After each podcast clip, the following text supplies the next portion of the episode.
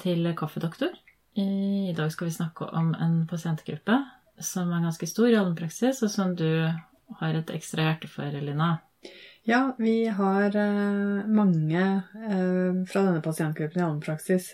Eh, det er Jeg leste et sted at ca. én av fire pasienter i allmennpraksis tilhører denne gruppen, men jeg tror det egentlig i praksis er flere. Mm. Og det er den eh, gruppe pasienter som i hvert fall tidligere har eh, plager som går under betegnelsen MUPS, som står for eh, medisinske uforklarte plager og symptomer.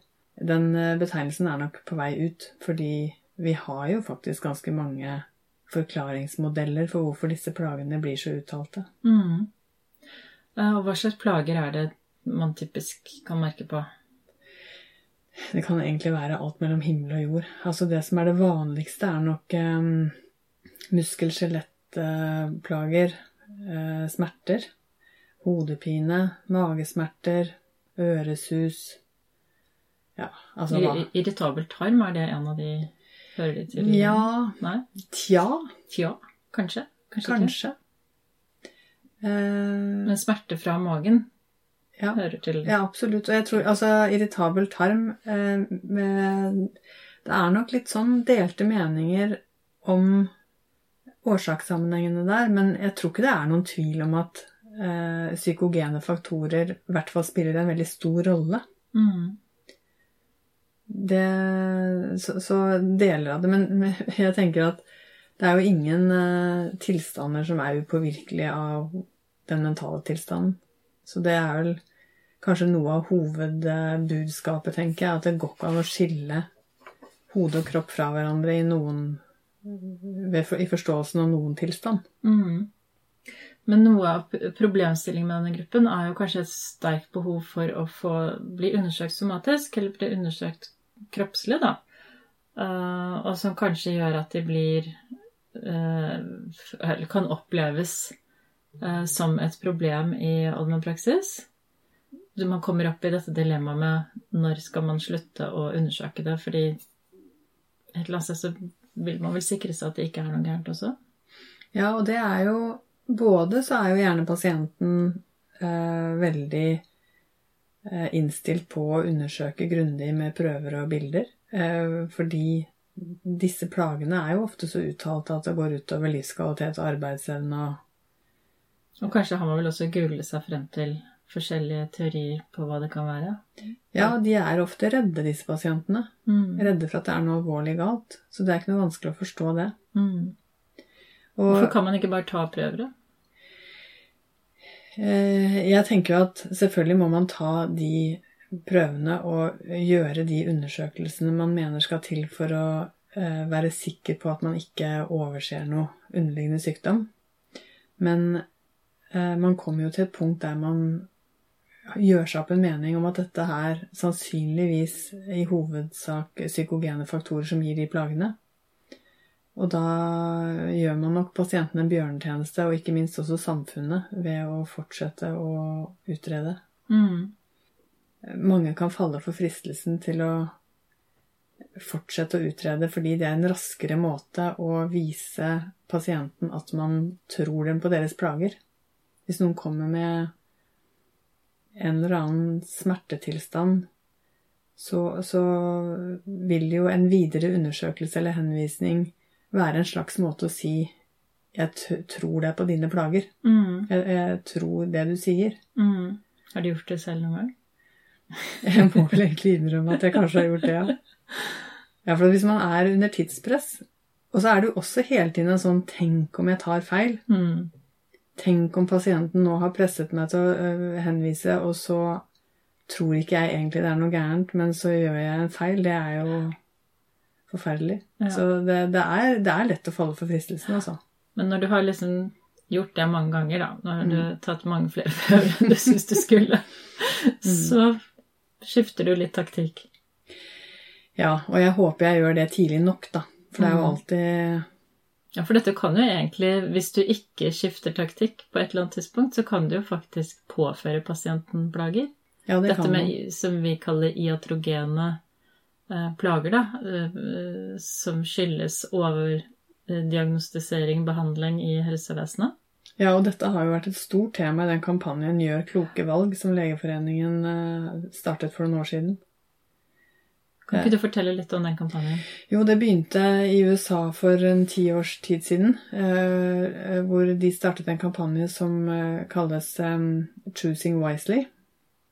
Og den eh, kampanjen og den norske varianten da, som, som kalles Gjør kloke valg, den tar sikte på å bevisstgjøre leger i um, håndteringen av Altså valg av prøver og undersøkelser. At man ikke tar altfor mye som for sikkerhets skyld, men at det er eh, funderte eh, årsaker til at man gjør de utredningene man gjør. Og hvis man eh, går for bredt ut med prøver og undersøkelser, så kan man jo også ofte avdekke endringer som egentlig ikke betyr sykdom. Mennesker er jo forskjellige, og det er jo eh, mange varianter både av fysiologi og anatomi som, som kan avdekkes, som ikke betyr sykdom så har man vel også funnet ut at det er visse Sånn som f.eks. på, på brystkreft, at man kan få endringer Man kan få endringer i kroppen som kan se ut som tidlig tegn til kreft, men som ikke er det. Og det er jo sikkert noe vi kommer til å høre mer om fremover, tenker jeg, hvor vi får bedre og bedre metodikk, da. At vi kan finne tegn til noe som kanskje kunne blitt noe farlig, men som kroppen egentlig ville ha reparert av seg selv hvis ikke vi tilfeldigvis hadde snublet over det. Og sjansen for å snuble over det blir jo større jo mer vi undersøker. Ja, og eh, PSA, altså prostataspesifikt antigen, en blodprøve eh, som tas av veldig mange menn, eh, er et annet eksempel på en sånn prøve som kan føre til mer skade enn en egentlig helbredelse, holdt jeg på å si. Ja, For hvis du først har funnet det, så er det jo litt vanskelig å la være å gjøre noe med det. Ja, og eh, denne PSA-en, den kan jo eh, stige eh, Den er jo en markør for kreftsykdom i prostata, men den kan stige i mange andre sammenhenger òg. Ja, hvis man undersøker mange med denne, så vil man jo avdekke sannsynligvis mange forhøyede prøver som ikke betyr kreft. Mm. Og når man har fått en forhøyet PSA, så er man pukka nødt til å gå videre og undersøke prostata eh, også med av og til invasive metoder som kan føre til eh, plager. Ja, og invasiv mener du at man faktisk går inn rent fysisk i prostata, da. Ja. Og det kan jo være for et sånn banalt eksempel, men føre til en infeksjon f.eks.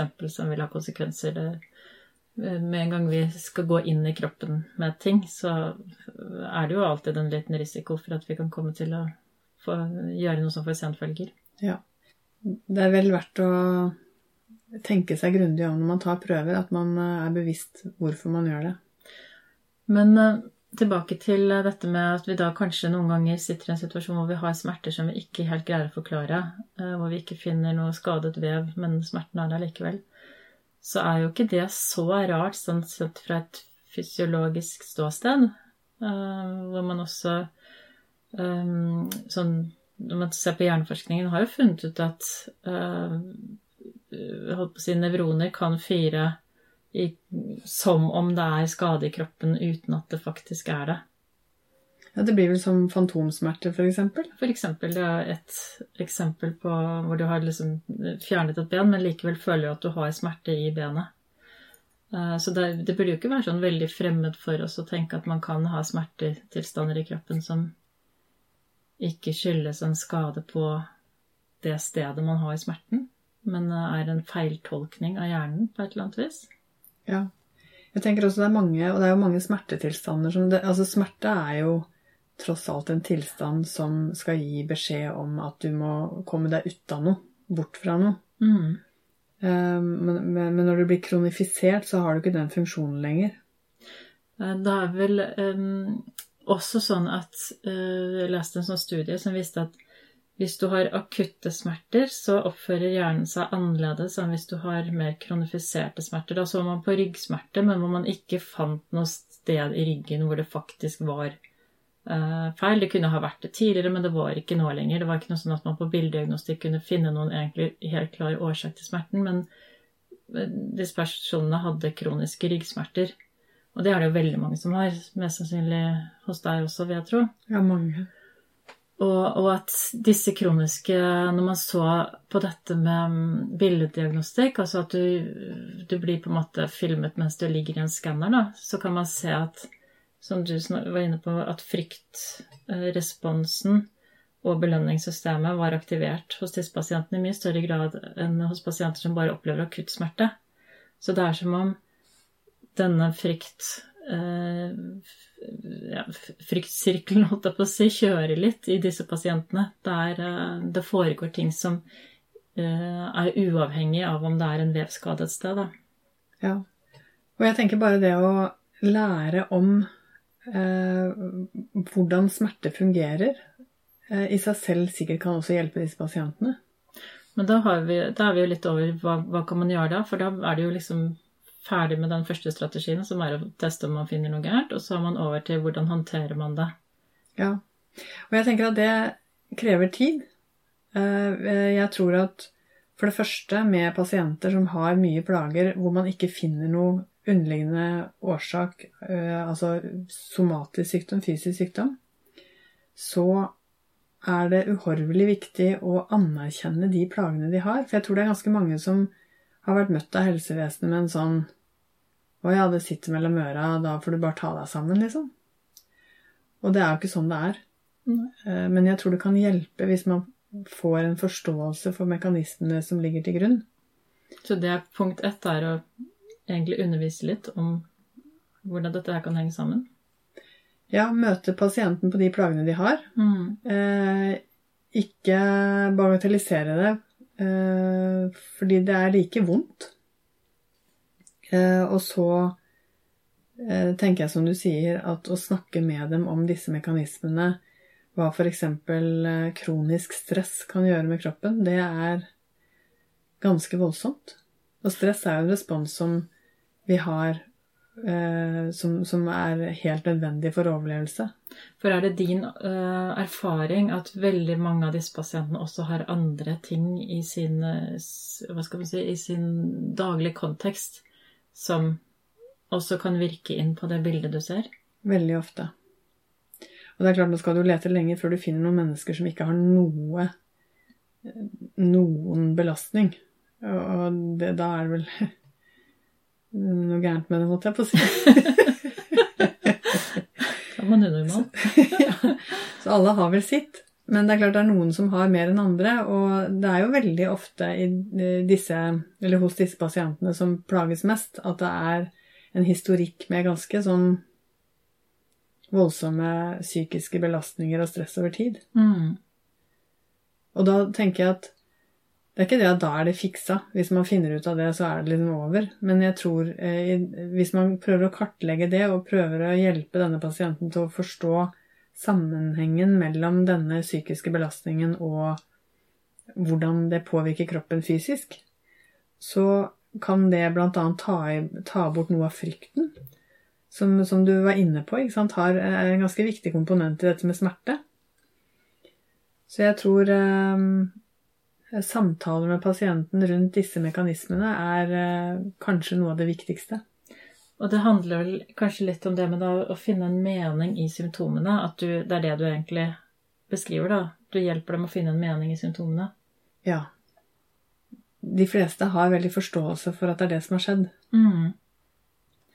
Det er kanskje også noen som uh, syns det er vanskelig å holde på å si kjøpe den forklaringsmodellen.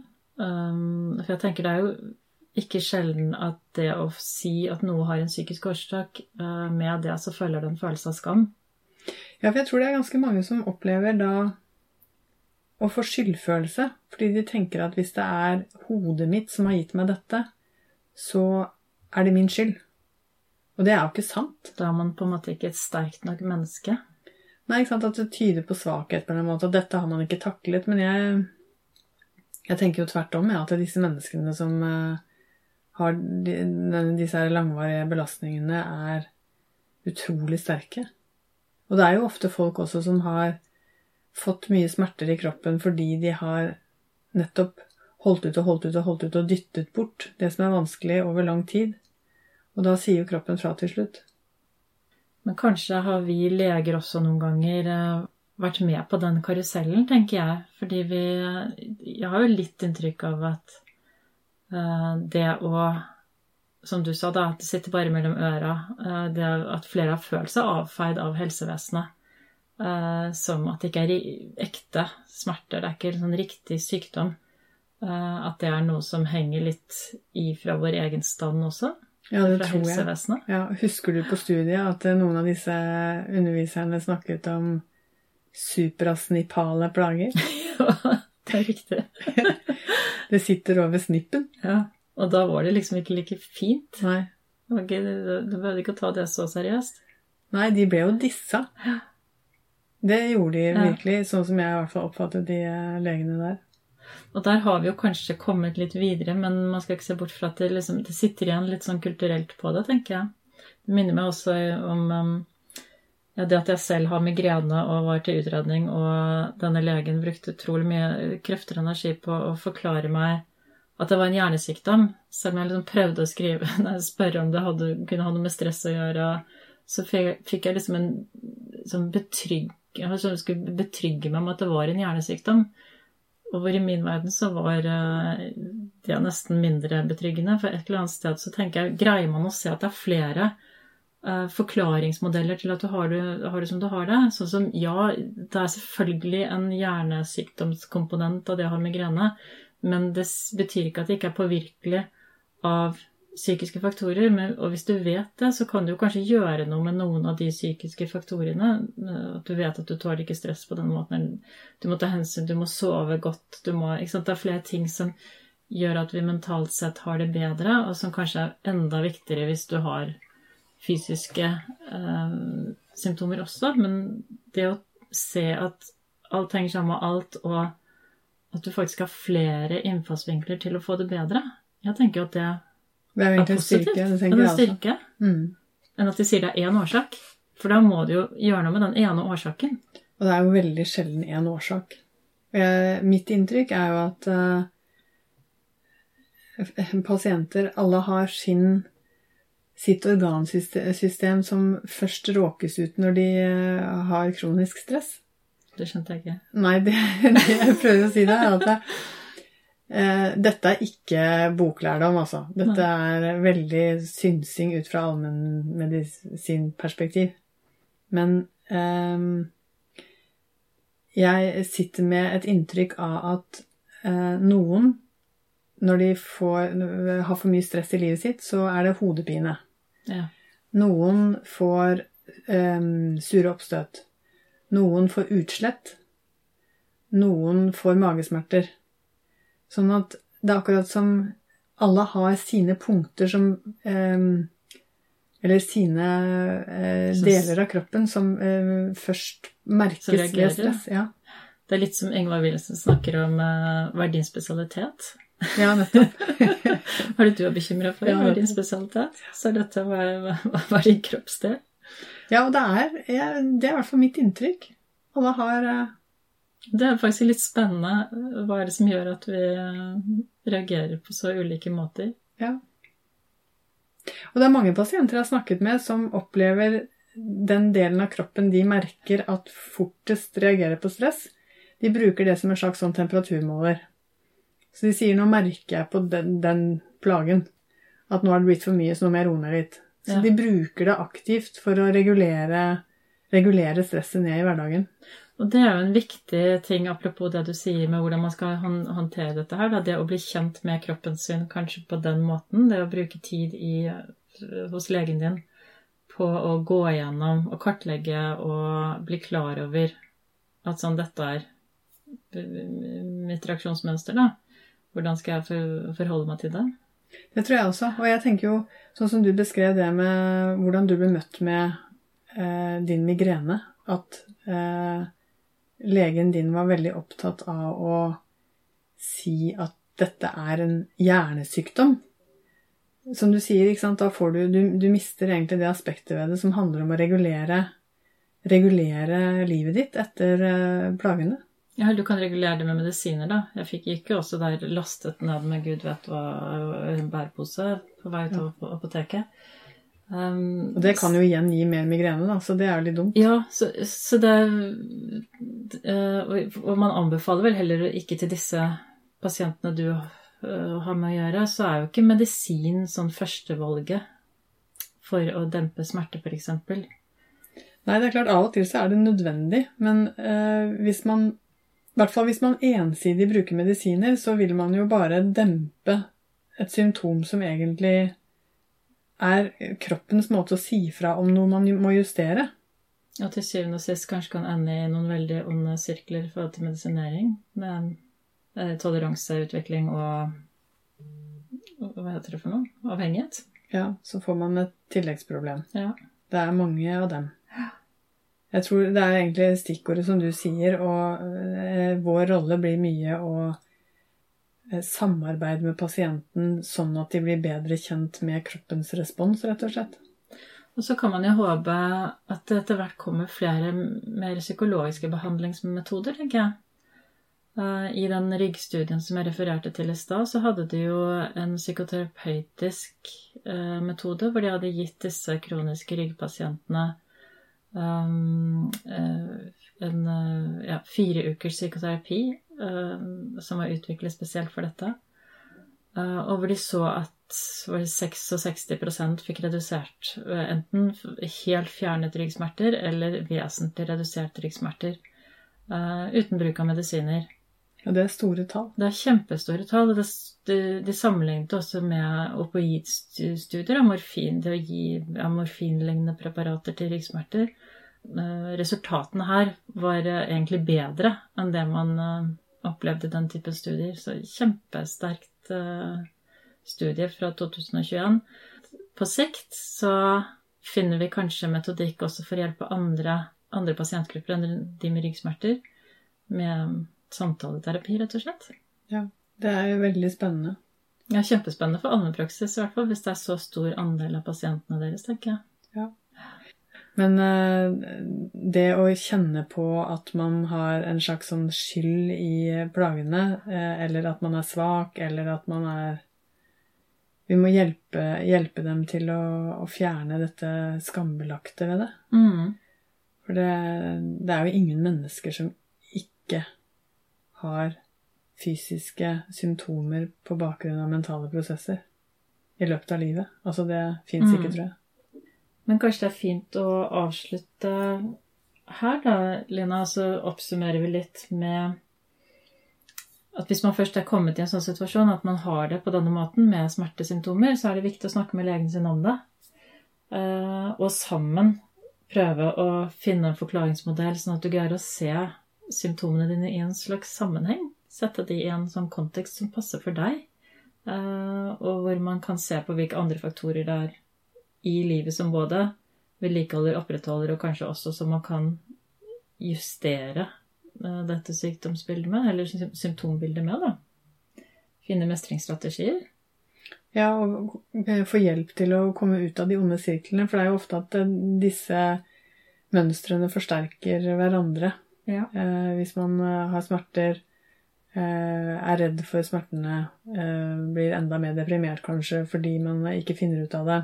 Faktisk så vet man jo at hvis du er deprimert, så blir faktisk smerteresponsen din høyere. Du, du kjenner jo mer smerte enn andre med samme stimuli. Mm, så det er mange onde sirkler oppi dette. Så jeg tenker det å få hjelp til å komme ut av det, så ikke man får den selvopprettende Eller hva skal man si? Opprettholdende. Ja, Selvopprettende. ja. Opprettholdende faktorene. Ja. Og da er det faktisk flere veier til mål. Altså fjerne skammen. Fjerne Det er ikke flaut. Nei, det er ikke flaut. Da sier vi det.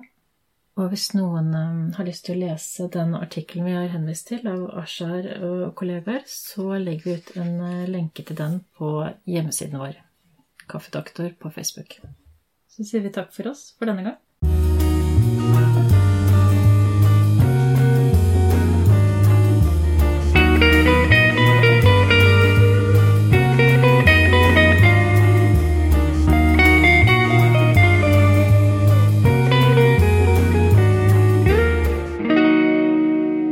Kaffedoktor med Rom og Linnestad.